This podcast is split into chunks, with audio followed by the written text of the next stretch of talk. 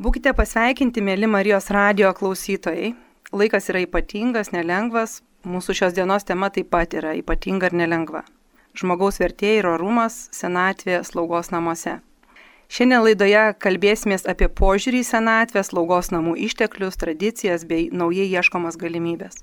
Laidoje dalyvauja neseniai atsidariusių slaugos namų Aderė Kier šeimininkai - Kristina Judinė. Labadiena. Ir Algirdas Jotautas. Labadiena. Taip pat su mumis dalyvauja šiuose namuose besidarbuojantis Elovados specialistė Jolanta Zimkuvienė. Sveiki. Bandysime telefonu laidos eigoje pakalbinti Gabrielę Zenkevičiūtę, jauną žmogų, kuri į gyvenimą dažnai žvelgia per filmavimo kameros objektyvą. Laidą vedu aš, Lina Jekelė.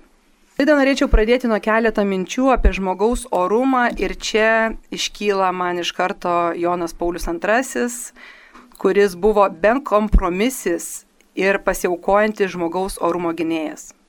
Parašęs encikliką apie žmogaus gyvybės vertę ir orumą Evangeliją Vite. Ir visas jo gyvenimas buvo liudijimas žodžiais, veiksmais ar paprasčiausiai tylė malda, šypsena, kai paskutiniu metu skausmas nebeleido jam nei kalbėti, nei judėti. Visų savo gyvenimu mūsų šitas popiežius šventasis liudijo žmogaus vertę ir orumą. Kristina, esat su Algirdu kelyje, kuriame iš arti susidurėte, kad žmogus yra trapus, silpnas ir reikalingas paramos. Šiandieninis pasaulis labai praktiškas, pamatuotas, paskaičiuotas. Nors pandemija truputėlį pajudino šias nuostatas ir pozicijas, bet vis tiek norėčiau, kad pasidalintumėte jūs asmeniškai savo žvilgsnių į žmogų. Tai gal pradėkim nuo Kristinos. Tai žmogų asmenišką žvilgsnį gali turbūt turėti per asmeninį patyrimą. Taip per asmenį patyrimą. Ir, ir visada, kai mes jau senai, ganėtinai senai mes vienu ar kitu būdu susidurėm su, su slauga, su, su vyresnio amžiaus žmonėmis, tai pirmiausia, pirmiausia, ką tu pagalvoji, tu pagalvoji, kaip tu pats norėtum. Ir čia turbūt yra tas galbūt požiūris ir supratimas per, per tai, kaip tu norėtum, kad tau būtų. Ir, ir tu supranti, kad gyvybė tai yra Skamba gal tai, kad tai yra dovana, bet tai yra dovana iš tikrųjų ta gyvybė tavo ir tu ją turi vertinti, branginti, lygiai taip pat ir kiekvienas žmogus iš tikrųjų. Aš pati taip pat, kai save vertinu, aš nesijaučiu labai skirtingai, kai man buvo 18 metų, ar ten 30 ar 40, ir, ir manau nesijausiu skirtingai, kai man bus 60 ar 70 metų, aš, aš būsiu savo pati, aš pati. Tai lygiai manau ir, ir visi kiti žmonės. Ir iš tikrųjų tu juos turi ir taip ir vertinti kaip asmenybės, kaip, kaip asmenius, kaip, kaip žmonės, nepriklausomai nuo to, kokiose būklės yra, ką jie gali, ko jie negali. Tai, tai aš manau yra toks pamatinis pirminis dalykas iš tikrųjų. Tai yra tai, tai, kad tas žmogus yra svarbus ir tikrai kaip tu pats savo svarbus, taip ir jisai savo svarbus ir kitas yra savo svarbus ir dėl kažkokių pažeidimų gal tas požiūris pasikeičia, bet jis neturi būti kitoks iš tikrųjų. Tai, tai va, toks turbūt požiūris mano būtų. Tai ačiū, Kristina, turi labai iš tikrųjų brandų biblinį požiūrį, ką Jėzus sako, mylėk ir daryk tam tai, ko norėtum, kad tau būtų daroma. Aš e, kažkaip tikrai žaviuosi, Kristina šeimoje, va noriu paminėti, augina šešis, Taip. šešis vaikus ir aišku, kad visų gyvenimo ta branda jaučiama ir matoma, tai ir darbai atitinkami. Tai Algirdai, koks tavo yra požiūris į žmogų arba patirtis? Mano pirma mintis turbūt e, išgirdus klausimą, vis tik tai buvo tą, ką jūs paminėjote pabaigoje, tai šeima. E, šeima ir, ir aš tą suvokiu per šeimos prizmę, per šeimos modelį, per savo vaikus, kai e, realiai gali daryti poveikį, aš nežinau, čia teisingas pasakymas, kai tu prisidedi prie, prie asmenybės augimo, prie jo atskleidimo, prie tobulėjimo pačiam ir, ir kartu su jais. Ir paskui to neužtenka ir, ir norisi, kaip sakyt, skleisti ir dalintis visoje bendruomeniai. Antras dalykas, aš turbūt tą mentalitetą vertinime e, žmonių kaip ne individų, o kaip e, bendruomenės išsiugdžiau Švedijoje, kur mokiausi pradžių mokykloje, paskui universitete. Ir ten yra didžiulis vienas kito palaikymas. Mhm. Yra švedai laikomi tokiais individualistais, tai norėčiau paneigti tą tokį požiūrį. E, taip, jie labai e, rūpinasi savim kiekvieną savo gyvenimą ar savo potyriais ir, ir pojūčiais, tačiau jie rūpinasi vienas kitu. To tokio orumo, na, nežinau, pasakyčiau, žmogiškumo, aš manau, pagrindus gavau tenai. Ir e, mačiau ir patyriau tokių potyrių, kuriuose norisi gyventi ir norisi dalinti. neprisiskiriu savo nei čia kažkokios misijos, nei kažkokio tai ten tikslo, tačiau norisi pasistengti, kad ir kiti gyventų tokiam pačiam jausme, kaip ir pats gyveni. Ir, ir pats gyveni tokiam pačiam jausme, kaip ir kiti gyvena. Mes vieni kitus įtakojam. Tai va, tai turbūt iš to ir kyla tas, na, požiūris į jarumą, kad, kad dalintis savo pavyzdžių ir stengtis dėl kitų. Ačiū, gražu, iš tikrųjų, tą gėrį, kurį gavau, noras pasidalinti su kitais. Ir aišku, nuo čia ir prasideda visuomenės kaita. Ne nuo politikų ir ne nuo įstatymų, o nuo mūsų požiūrio, pastangos ir darbų. Tai ačiū labai ir jau, band, jau šiek tiek ateina mintis, iš kur ta kyla švediškas noras atnešti į tą slaugos namus arba į darbą arba į žmogų. Bet dar apie tai pakalbėsim vėliau, nes aš noriu pakalbinti dar Jolantą ir e, vienoje knygoje Kelio bendryje Andrius Navickas pastebi, kad už kančios ar lygos perkreipto veido visada slypi asmuo, ką ir Algirdas sakė, nori žiūrėti ne kaip individą žmogų, bet kaip į asmenį, kurį Dievas myli ir kurį yra pasirinkęs. Mes žavimės stipriausiais, bet silpnajam reikia kito, nes jis pritraukia meilę. Ir meilė ištrykšta iš pasidalinto silpnumo. Tai Jolanta, esi selovatos darbuotoja ir tavo žvilgsnis į žmogų ir jo vertę ir orumą yra labai svarbus. Ir koks tai jis yra, kuri mhm. vis tiek labiausiai irgi iš arti prisilieti prie silpniausių. Taip, mes gyvename tokioje vartojimo ir naudos kultūroje, kur kiekviena veikla ar daiktą matuojama pagal to naudą ir vertę. Ir kai pasinaudojame ir to nauda vertė sumažėja, mes metame, ieškome ko nors kito, pakeičiame. Ir reikia nuolat būdėti savo vertinimuose, kad į juos nepakliūtų žmogus, žmogaus vertė. Net mūsų pačių vertė kartais yra uždengta nuo mūsų pačių. Jie paslėpia kitų nuomonės, kitų lūkesčiai iš mūsų, mūsų pačių lūkesčiai savo, jie paslėpia klaidos, nesėkmės, nuopoliai, baimės. Žmogaus nuolatinio vertinimo pagal jo pasiekimus, laimėjimus kontekste kartais pasiuntėme nieko verti, menkesni. Arba mažiau vertingi nei kiti tie, kurie pasiekia daugiau, kurie galingi, įtakingi, kuriems negalime prilygti. Ir psichologai nuolat dirba, kad sugražinti žmogų jo savivertę. Jeigu žmogus nebūtų pakibęs savo kilmės neapibrieštume, priimtų, kad yra sukurtas Dievo pagal jo paveikslą ir panašumą, žmogaus verte ir asmeninė savivertė būtų nebejojama.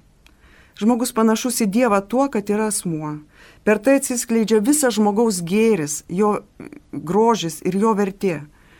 Žmogus su viskuo susijęs asmeniškai. Kiekvienas iš mūsų turime savo tapatybę, gebančią užmėgs dialogą su kitais ir su pačiu kurėju.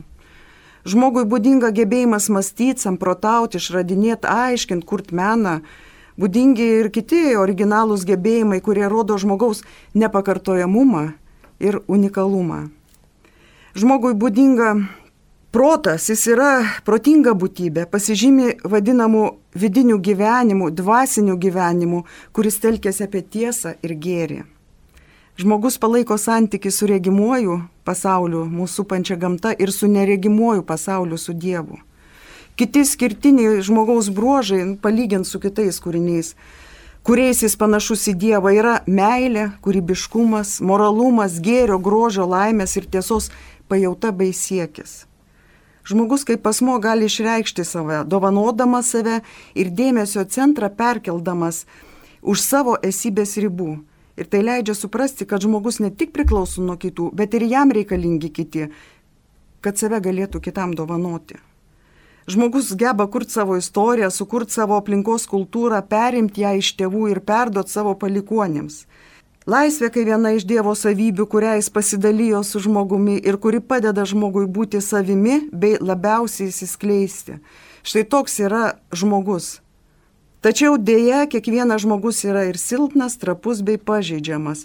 Nuo to jo vertė nesumažėja, o tik dar labiau jam reikia meilės.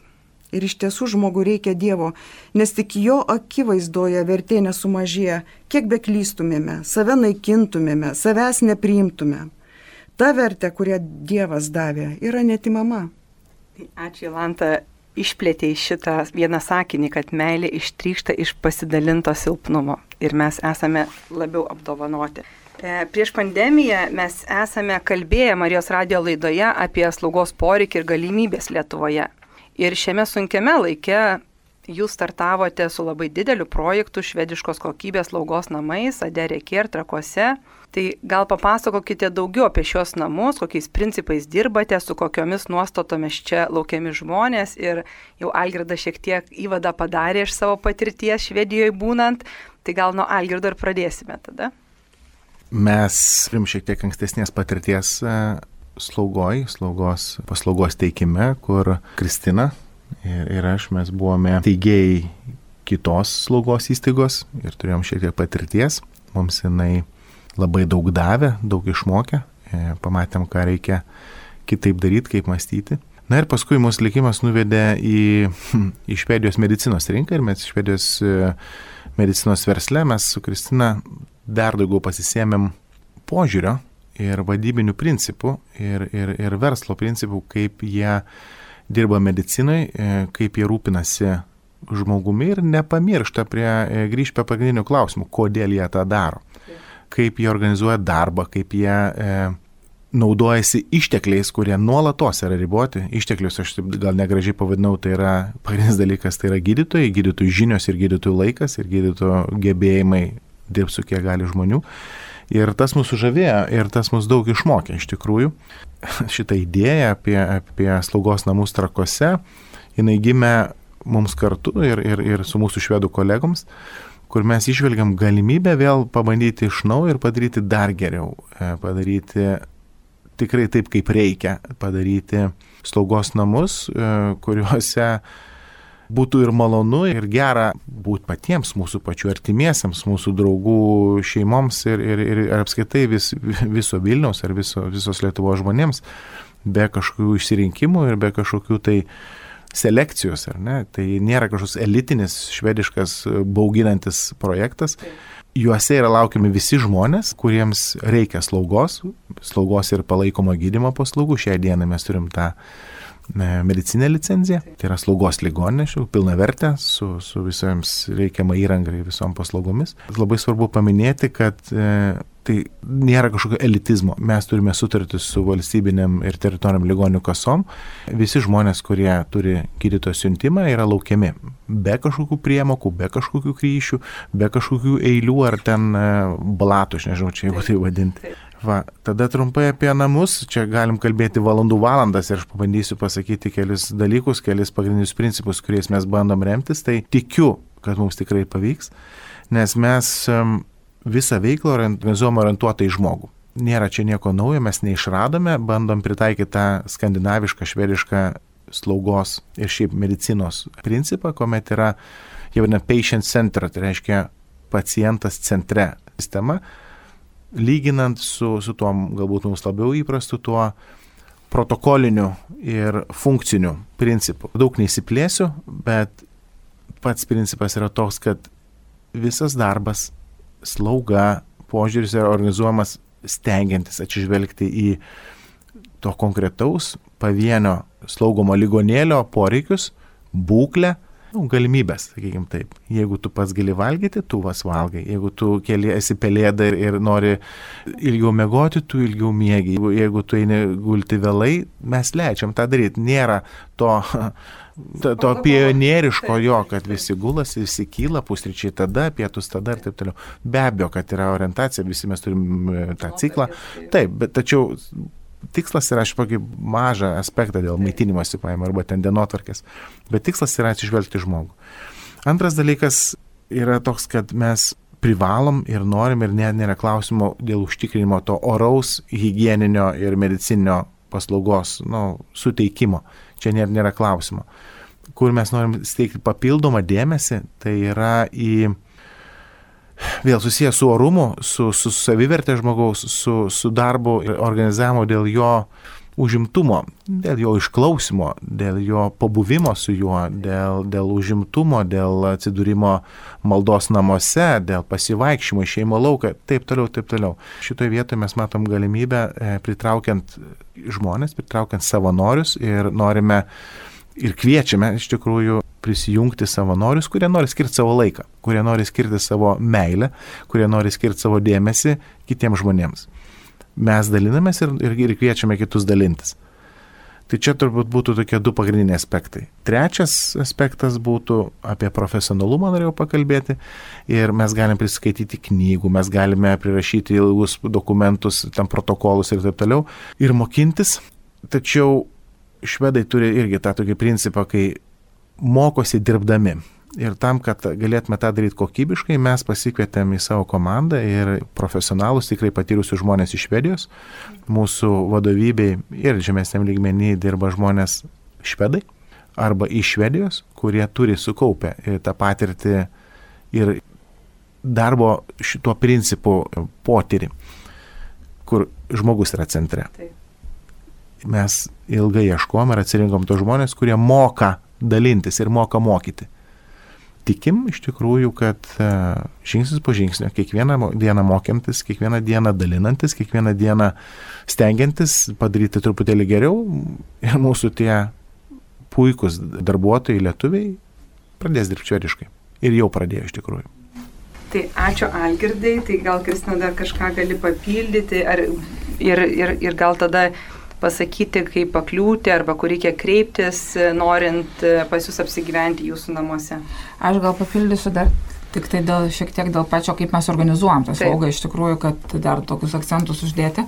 Tai kaip minėjo Algirdas, e, esminis dalykas tai yra Tai yra tas fokusas į pacientą, kurį mes vadinam svečiu, net, net ne pacientu, turbūt vadinamas svečias. Turint tą, tą tokį požiūrį, tai yra visa vadybos sistema. Ir tą vadybos sistemą mes vėlgi dviračio nenorim išradinėti, norim, kad neveiktų, nebandytų, tiesiog pritaikyti. Dėl to mes visus darbuotojus apmokinam naudojant specialią programą švedų. Tai yra karalienio Silvijos yra tokia slaugos kaip ir mokykla, slaugos namai Švedijoje. Karalienė Silvijos mama sirgo labai ilgą laiką Alzheimeriu ir 20 metų jinai dėjo daug pastangų, e, ta prasme, analizuojant šitą būklę, situaciją žmogaus ir įkūrusi visą kompetencijų centrą didžiulį, su kuriuo mes bendradarbiavame, esam jų partneriai čia Lietuvoje ir mūsų visi darbuotojai bus apmokinti, kaip sakykime, šituo modeliu. Papildomai, jeigu taip žiūrėti pačią slaugą, jeigu, jeigu tą analizuojant slaugą, tai slaugo yra, kaip Algirdas sakė, yra mediciniai dalykai, slaugos dalykai Bet žmogus čia būna visą laiką. Ir dar jisai, nu, dažniausiai tai yra jau jisai būna iki gyvenimo galo, sakykime, šito įstaigoje. Aš mano tai asmenė nuomonė, kad e, vis tik gydimas čia daugiausiai, koks tai gali būti, yra dvasinis, iš principo mano tai nuomonė. Būtent dvasinė būklė medicina kitur yra palaikymas jo kokybės gyvenimo, vienareikšmiai. Ir dėl to tai yra vakarietiški metodai naujausi ir tai yra labai svarbu. Ir, ir mes dėl to ir su švedais dirbam, kad, kad palaikytą kokybišką fizinę medicinę būklę. Bet yra dar ir dvasinė būklė pa žmogų. Ir būtent ta dvasinė būklė yra nemažiau svarbi, o gal net ir daugiau svarbi tokio tipo ligoninėje ta būklė, vėlgi, čia, ir, čia galimi dideli debatai ir, ir dalis žmonių turi tikėjimo dovaną, dalis jos neturi, ir, bet suteik žmogui galimybę pasikalbėti apie tai, kaip jis jaučiasi, apie tai, kas jis legia, arba kas jį džiugina, arba ko jis ieško, padėti jam, tai yra labai svarbu. Ir šitoje vietoje mes netgi, aš tai manau, kad tai yra net ne savanorinė, o privaloma funkcija, sakykime, tai dėl to mes ir turime mūsų įstaigų darbuotoją, kuris dirba tokį darbą, silovados, kai kam tai yra psichologinė pagalba, kai kam tai yra dvasinė pagalba susijusių su jo tikėjimu ir, ir, ir tai yra parama, bet yra labai individualu, bet, bet kuriuo atveju aš manau tai yra būtina, būtina funkcija slaugos namuose. Ir mes tam dedam nemažai irgi dėmesio. Ir ką minelgras mes norim būti profesionalai. Jeigu daryti organizacijos slaugą, tai moderniausia švedų vadyba, kur mūsų nuomonė tikrai labai labai pažangi lygių tam nėra, nu, iš to, ką mes matėme medicinos sektoriu, galbūt Vokietija būtų galima lyginti. Jeigu žiūrėti apie dvasinius dalykus, tai reikia profesionalų, kurie su to dirba, baigia specialias studijas, žino, ką daryti tam tikrose situacijose. Jeigu kalbėti apie meilę, kurią tu žmogui duodi, tai tik savanoriai tą gali padaryti, nes tu meilės nepadarysi meilės etato, kaip sakant, tai būtų neteisinga.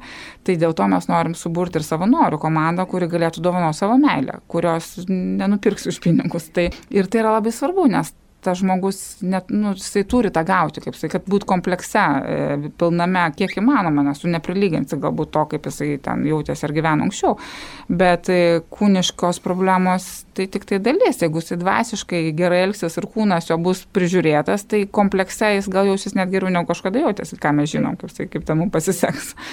Tai va, tai čia taip praplėčiant, aš galvoju tą tokį, kad suprasti mūsų tą viziją, ko mes siekiame, mes norim profesionalai, mes norim suteikti galimybę, kaip Algirdas sakė, be priemokų žmonėms gyventojų įstaigų, tam reikalinga tikrai moderni, puikiai vadyba, nes kitaip tu to nepadarysi. Ir mes norim, kad žmonės tikrai gautų tą orę galimybę gyventi gyvenimą, kuris dar jam liko, su, su pagalba, kuri neišvengiamai jam reikalinga, kaip sakykim, šitoje situacijoje. Tai va, tai gal toksai mano papildymas būtų. O dabar dar, kur Lina klausė dėl to, kaip patekti, tai patekti yra labai paprasta. Pagal pasikeitusius įstatymus pas mus dabar patekti gali žmonės iš bet kokio Lietuvos miesto.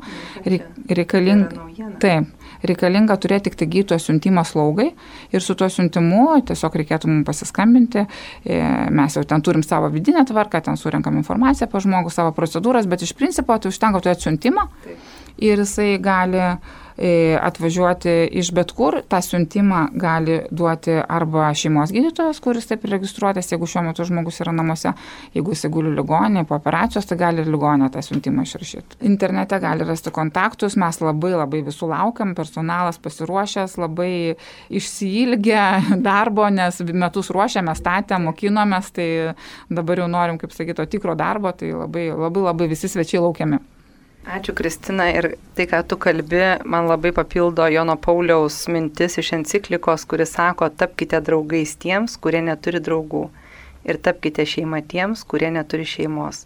Tapkite bendruomenė, kurie neturi bendruomenės. Tai labai gražiai apibendrina tavo šitą e, viziją, misiją ir kaip Algirdas sako, tuo, ko jūs tikite, tai ką darote. Jono Pauliaus pontifikato pradžioje buvo tokie labai ryškų žodžiai, kurie nuolat ir nuolat paskui vėl skambėjo, nebijokite. Atverkite plačiai duris ir atlapokite vartus Kristui. Atverkite jo gelbstinčiai galiai valstybių sienas, ekonominės, politinės sistemas. Ir sakė, dar kartą kartoju, nebijokite. Kristus žino, kas yra žmogus ir kiek žmogus gali. Ir tik jis vienas tai žino. Labai man šitie jo gražų žodžiai. Ir kai aš jūsų klausau, arba jūs šiek tiek žinau, man tikrai atrodo esate drąsūs tiek steigiančios namus, ir tiek plačiai atveriant duris. Ir ne tik žmonėms, bet ką ir Kristina kalba apie tą e, dvasingumą, kurį jūs nuo pat pradžių labai aiškiai ir e, deklaruojat ir, ir tą įgyvendinat. Ir tu šiek tiek, aišku, Kristina jau dalinaisi, bet uh, vis tiek va tas klausimas, kas skatina daryti daugiau negu pakankamai. Turbūt paprastas ir pirmas atsakymas, tai turbūt yra smagumas kurti. Tai gal toks paprastas, gal norėtųsi kažkokios didesnės, kaip sakyt, priežasties, bet tiesiog yra, yra smagu kurti ir, ir kai tu tuo tiki, tu tam atsiduodi, kaip sakykim taip. Ir tada tiesiog jauti malonumą tame, kad tu, kad tu darai tas, kas tau patinka ir kuri ir džiaugiesi, kad ir kitiem tai atneša vertę. Tai. tai, kaip Algirdas irgi minėjo, tas bendruomenės jausmas toks irgi, jisai, nu, neteorinis, tu praktiškai tai jauti, yra tikrai labai puikus jausmas, kai tu gali kažką duoti. Tai. Ir tai ateina irgi su laiku, sakykime taip, nes, bet manau, va, tas kažką kurti, kažką duoti. Ir taip, kūrybos rezultatai, jie turi įvairius vertinimo kriterijus, sakykime taip. Ir, ir verslė ta kūryba susijusi su tuo, kad tai turi būti gyvybinga, testinumas turi būti. Tai neturi būti nuostolinga. Tai. tai yra susiję dalykai iš tikrųjų, bet tai visą tai reikia ir sutvarkyti. Tada tikrai veiks ir tada tikrai sukūrėjai tą, ką galėjai geriausia padaryti, sakykime taip. Tai turbūt mano turbūt būtų tokia tai. nuomonė. Aš tai labai girdžiu, Kristina, tokia labai biblinė asmenybė, reiškia, žinai, kaip kuriejas kūrė ir iš savo kūrybos norėjo dalinti su kitais ir žmogus sukuria iš džiaugsmo tai bendrystė ir laimė ir kad viskas klestėtų, turėtų gyvenimo ir, ir žmogus sukuria panašų į save ir per tas panašumas ir yra, kad ir mes galime kurti ir dalintis. Tai tame tikrai kyla didelis gyvenimas, kai yra ta kūryba ne tik tai iš to, ką Jolanta sakė kartais vartotojiškos paskatos, bet Algirdai ir aš tavęs noriu klausti kaip verslininko, kad kai kurie sprendimai iš pirmo žvilgsnio atrodo kartais finansiškai nenaudingi ir kokia tavo matematika? nėra matematikos. Grįšiu, grįšiu prie šeimos aspekto ir, ir išgirdęs klausimą, prisiminiau savo senelius, kurie yra na, mano tikroji šeima, prisiminiau savo mamą, turiu paminėti ir uošvis, kaip aš esu išugdytas. Tai labai tokiu vienu pavyzdžiu per dovaną. Kaip tu dovanoji draugai, gimtadienio dovaną, kokią tu dovaną dovanoji per kažkokią kitą progą. Tai jeigu tu nenori dovanoti kažkokio tai vertingo daikto, geriau nieko ne, ne, nedovanok. Jeigu tu nenori skirti savo laiko, tai tu ir neprasidėk. Pro formą nieko nepasieksi. Nei pats gausi pasitenkinimą, nei, nei kitas bus patenkinęs. Išmestą nereikalingą daiktą ar, ar, ar be meilės užrašytą atviruką. Čia turbūt yra tas pagrindinis dalykas, kuris pasusisklebė ir į tai, ką tu darai. Tu turi jausti pasitenkinimą ir pats ir pasitenkinimą iš to, kad kitas jaučia pasitenkinimą. Aš nežinau. Gera daryti gerą. Aš ne, ne, galima tai pasakyti taip. Tai, Čia mūsų turbūt... arkivyskupas Kestutis Kievalas šitą frazę labai mėgsta. Sakė, tiesiog yra gera daryti Bet gerą. Taip yra, taip yra, tai nepaneigsi. Taip, taip. taip. Bet apie tą ir kalbė. Taip. Ir kaip sakyt, na, kiek tu gali e, ten tą spausti kažkokiais, sakykim, kažkokį tai ten vieną dalyką, jeigu tau jis neteikia pasitenkinimo. Ir turbūt čia tą pačią sakau, to bendroji savokoj, kaip tu pats įsivaizduoji, kaip tu pats norėtum gauti, taip tu stengiasi duoti. Susisiekiantis indai. Taip. O versle, kaip jūs sakot, jeigu labai stengiasi, jeigu darai kokybiškai, jeigu tai darai ilgalaikiškai tvariai, tai neišvengiamai, kad tai yra vertinima ir tada neišvengiamai yra vertinga. Nereikia daryti nesąmonę, be abejonės, nereikia įsimylėti į materializmą, e, o reikia, reikia žiūrėti turinį. Ačiū, Algirdai, labai gražus, nežinau, ir kažkur, ar popiežiaus, ar kažkur girdėtas terminas būti susisiekiančiais indais. Labai man patinka šita irgi, šitas terminas, ne, kad vienas kitą papildytume savo dovanomis ir iš to mes visi neištuštėjame, o tik tai dar labiau pilnėjame. Tai e, Jolanta dar noriu pakalbinti tave kaip selovados darbuotoja apie tavo patirtį, kaip tu vertini tos nematomus dalykus ir kokia tavo patirtis e, šioje tarnystėje, darbe, šitame buvime su, žmonė, su žmogumi. Savo patirtį kaupiau per visuminį požiūrį, vad kaip Kristina minėjo, kuris apima fizinį, psichologinį, socialinį, dvasinį asmens gyvenimą. Todėl sergantis ar senatvės silpnumo apimtas žmogus nėra vien tik pacientas, lyga, atvejais. Tai yra asmuo turinti savo gyvenimo istoriją, patirtį, požiūrį, vertybės, asmeninius santykius ir turintis poreikių ir dvasingumo poreikis būdingas kiekvienam žmogui. Ir nepriklausomai jis tikintis, netikintis ir jis dar labiau išriškėjo susidūrus su sunkia lyga arba išgyvenant gyvenimo pabaigą. Dvasinės pagalbos komponentai tai tokie būtų kaip pokalbis, malda, šventos mišos, sakramentai. Pirmiausia, pradedu nuo susipažinimo su po, nuo pokalbio. Sergantis daugiau nori pats kalbėti ir būti išgirstas, negu klausytis į lankančių žmonių. Kenčiančiam reikia ne žinių, išminties, bet tiesiog žmogiškumo. Tai ne tik atidus klausimas iš žodžių, bet girdėjimas visko - kūno, judesių, žvilgsnių, prisilietimų, tylos. Tai leidžia suvokti gelmę. Prieš pradedant guosti, reikštų užuojautą, tiesiog duot patarimus, iš tikrųjų reikia klausytis, neteist, nevertint, pašnekovas būtų saugus. Labai stipriai padeda nuraminti baimės kito žmogaus buvimą šalia. Buvimas šalia yra pagrindinis dalykas, ko galime padėti kenčiančiajam, kaip parodyti jam savo meilę. Jam labiausiai reikia ne išvalgų, ne daugia žodžiavimo, bet žmogiško buvimo šalia, kaip minėjau būti greta sergančios mens. Mes einame gilin, mes galime ne tik paguosti, bet ir padėti prasme kančioje surasti. Nesiūlyti atsakymų, bet būti gerų klausytojų ir eiti kartu per jo gyvenimą. Krikščionio baime kančios tikrovėje padeda suvaldyti malda. Kai baimės poveikis kūne sukelia tiesioginius fiziologinius pokyčius, taip ir maldos poveikis tuos neigiamus pokyčius gali slopinti, atitraukdamas dėmesį nuo kūno į dvasę, nukreipianti mintis į Dievą. Malda padeda kovoti su izolacija ir baime, nes mintis atitraukiamos nuo asmeninių rūpešių, nukreipiamos į dvasinius poreikius.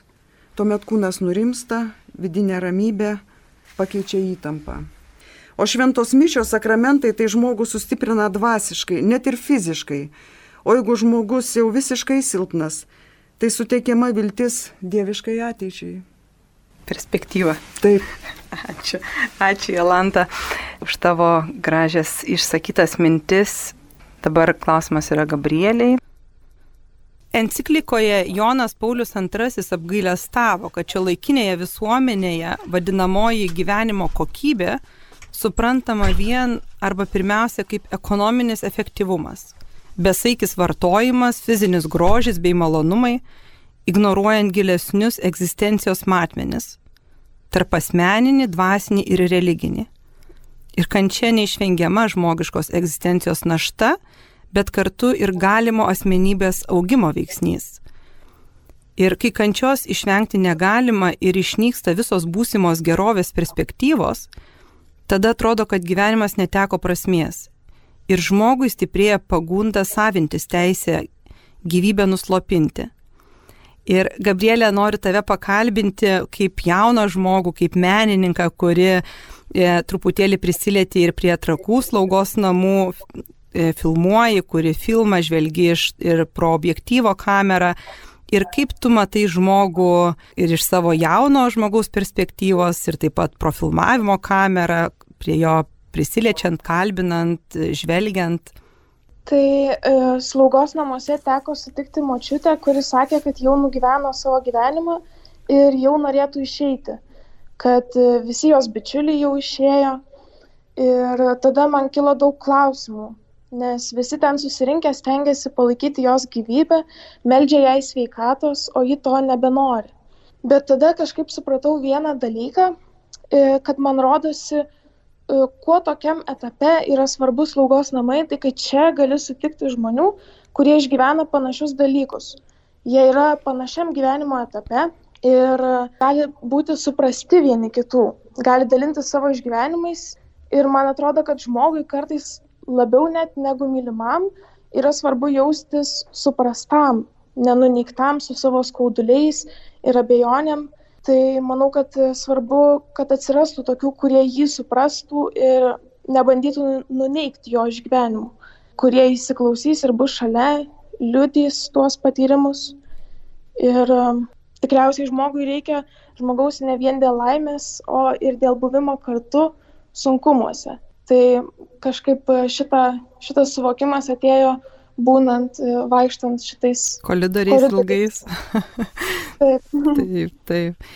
Ir turbūt vis tiek, ne, nu va, sutinki žmonės ne pirmą kartą vyresnius, senus.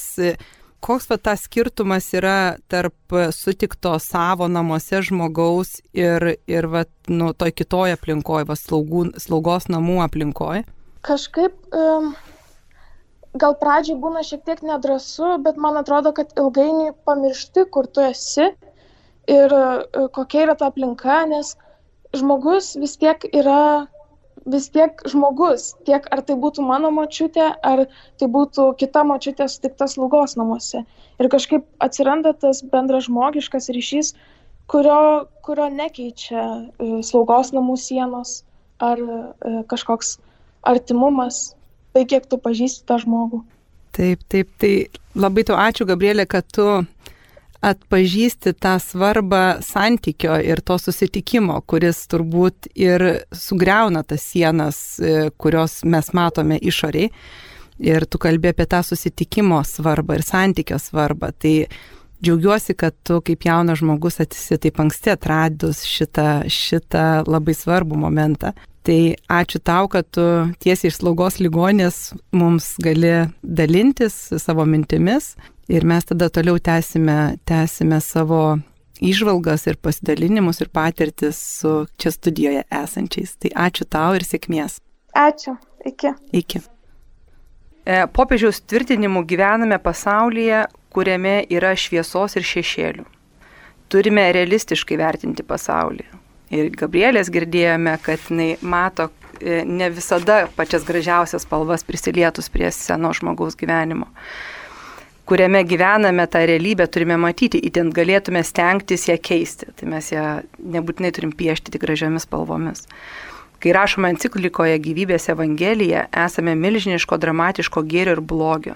mirties ir gyvybės, kaip Jonas Paulius II įvardina, mirties kultūros ir gyvybės kultūros konflikto liudytojai, mes ne tik susidurėme su šiuo konfliktu, bet neišvengiamai esame jo viduje. Jis liečia mus visus, visiems dalyvaujame. Ir esame neišvengiamai atsakingi už tai, kad apsispręstume besąlygiškai remti gyvybę. Tai apie tai ir buvo mūsų, aišku, pasidalinimai ir mes čia svarstėme, ne, kaip mes norim keisti arba kurią mes poziciją norim labiau užimti. Ir Jonas Paulius II sako, kad mes esame viduj tų konfliktų ir tų šešėlių gyventojai ir kaip mes reaguojame. Tai visos, visos šitos mintis, ką jūs dalinote, tą aiškiai išsako ir pabaigai gal tada dar po kokią vieną mintį, ką norit pasakyti, palinkėti Tiesiog tokia dar mintis papildomai būtų apie tai, kad mes labai daug kaip e, bendruomenė, apskritai šeimos investuojame į, į žmogaus ateimą, kaip valstybės, kaip visuomenės investuoja į gydytojus, investuojame į nano, nano pediatrus, investuojame į, į akušerijos specialistus, turime ligoninės ir taip toliau, taip toliau. Yra didžiulė e, išteklių ir pastangų krūva dedama į tai, kad žmogus ateitų, jį apsaugotų ir jį įvestų į tą gyvenimą. Ir man atrodo, kad nepakankamai yra skiriama dėmesio ir e, laiko ir pastangų į, į žmogaus išeimą, kuris, mano supratimu, yra toks pats svarbus. Žmogaus išeimas, žmogaus palidėjimas, žmogaus e, paskutinios akimirkos, paskutinės pėdos ant šios žemės e, žingsniai yra tokie pat svarbus. Ir tas žmogaus išlydėjimas irgi reikalauja dėmesio, reikalauja profesionalų, e, reikalauja dalyvaujančių žmonių pasirengimo ir, ir mokymo, ir, ir mokymosi, ir tobulėjimo. Ir tai reikia lygiai taip pat kaip dėmesio. Nenoriu sukurti kažkokio tai e, rungtiniavimo šiuo atveju tarp gimimo ir išeimo, tiesiog tai yra, norėjau tą palyginimą parodyti, kiek tai yra svarbu. Taip, dvi svarbios tikrovės mūsų gyvenimo, kurios vertos dėmesio ir pagarbos. Kristina. Aš manau, kad e, visiškai pritariu Algirdui ir, ir mes bent jau savo įstaigų, kaip ir jau norėjau minėjau ir pasikartosiu, tikrai dėsim pastangas, kad į tai būtų atkreiptas dėmesys ir, ir kad žmonės būtų tinkamai paruošti. Ir mūsų visas personalas, tarp kitko, yra, nepaminėjau, apmokomas ir selovado specialistų, kad jie būtų apmokinti. Lygiai tokie patys lygiai verčia kursai kaip mediciniai, kaip e, klientų aptarnavimo ir lygiai taip pat ir selovados. Ir, ir mes norim visus, visus iki vieno apmokinti ir parodyti to svarbą. Ir manau, tai yra pirmas žingsnis link to stiprinimo profesionalumo, būtent to išlydėjimo viso proceso. Tai va tiek turbūt dar papildyčiau tik telgirdą. Ir nebijot apie tai kalbėtis. Taip, ką mes ir darome.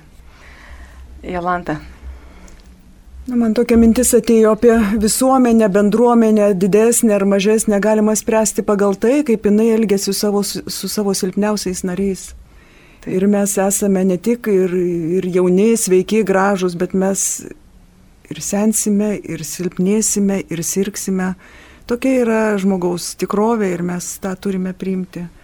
Su jos grožiu, su jos ir, na, nu, Taip, ir ką Kristina pradžioje sakė, kad norėtume elgtis taip, kaip kad su mumis elgtųsi, tai tas yra labai geras taip, šitą taip, pozicija. Taip, iš tiesų, ir gali pasimatuoti, taip. tiesiog gali pasimatuoti taip. savo vietoje, jeigu aš galėčiau toj vietoje, kaip taip. man būtų, ko aš norėčiau. Tai ačiū už jūsų išsakytas mintis, taigi pabaigai noriu iš tikrųjų labai padėkoti už susitikimą ir palinkėti gyvenimą žvelgti plačiai atmerktomis akimis, matant daugiau negu matoma paprasta akimi. Ir žmogus, pasak Jono Paulius II, pašauktas gyvenimo pilnatvėj, kuri toli pranoksta žmogiškosios egzistencijos ribas. Nes toji pilnatvė tai yra dalyvavimas pačiame Dievo gyvenime. Tokio antgamtinio pašaukimo didingumas atsiskleidžia žmogaus gyvybės didybę ir neįkainuojama vertė net ir laikinuoju jos metu. Žmogaus kilnumo pripažinimas niekada negali remtis tuo, kaip mes tą žmogų suvokiame arba kaip mes su juo susidūrėme. Toks pažinimas turi būti grindžiamas suvokimu, kad nuo pat pradėjimo akimirkos, Kalgirdas sakė, iki natūralios mirties žmogus gyvena ir jo gyvenimas vertas pagarbos ir meilės.